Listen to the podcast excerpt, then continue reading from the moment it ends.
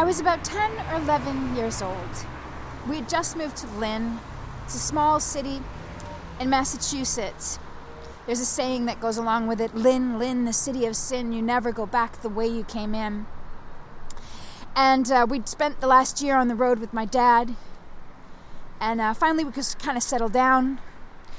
We enrolled in a small Catholic school called Holy Angels. But there was a sort of loneliness that my sister and I had. We'd always grown up with pets. I'd grown up on a farm, and we had chickens and geese, cats and dogs. We even had a raccoon once. And now we didn't have any of that sort of like buffer. And this story is a story about a cat um, who sort of changed my, well, broke my heart a little bit and gave me a, yeah, a very long, guilty feeling that seemed to never go away.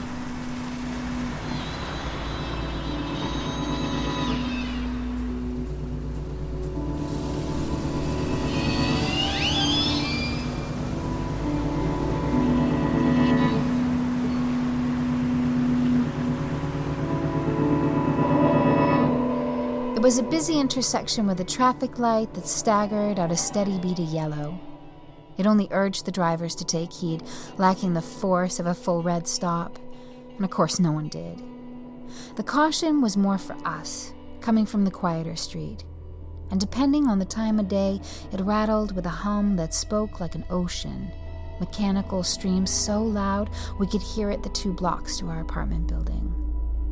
This road dissected the city, feeding traffic from the burbs and glut and stutters.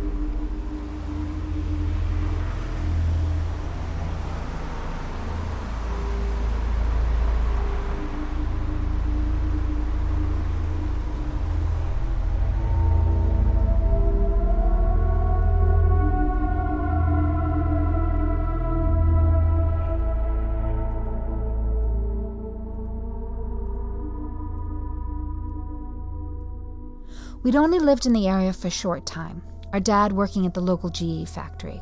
Shifts starting at 5 a.m., so we were left to our own devices to get to school. And we were always late.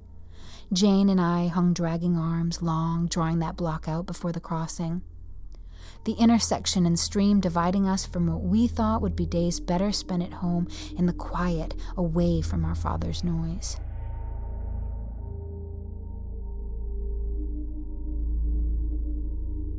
That was until we met him. An oversized tubby tabby with a low slung gut that almost touched the ground. He would ooze across our path every morning and whine between my legs, pull soft and mule asking us to stay, and then roll showing his belly. Running my hands through his fur, he would respond with the arched back and tippy top toes. Jane hanging on my legs, too afraid at first, till she too would join his soft yield.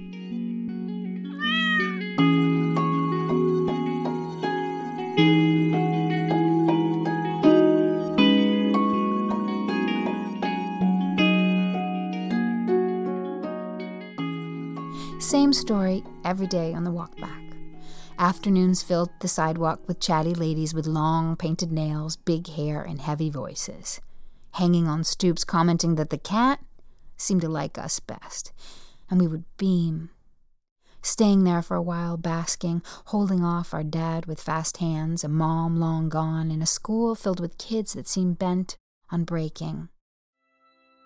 Visiting the tabby became our thing armor for the start and a salve for the end of the day.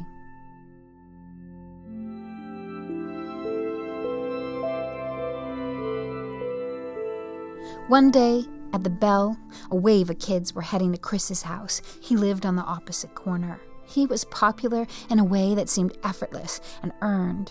I puffed up and tried to seem cool, hoping to attract just enough of their time that I might make my foot in. The cat didn't appear, maybe put off by the noise of the romp. We join the small cluster as it moves across the intersection, and looking back over my shoulder, I see on the other side our big tabby rounding the corner, gut swaying, a bounce in his step. He was looking for us. And I call out, putting my lips together, making that telltale kitty cat squeak. He sees us and comes bounding.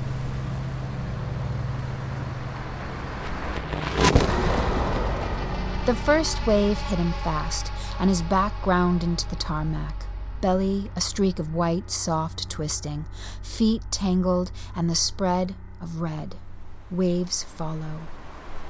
We all stand there on the edge, our faces open in disbelief and horror, and I howl, screaming for the cars to stop, but I cannot get into the water.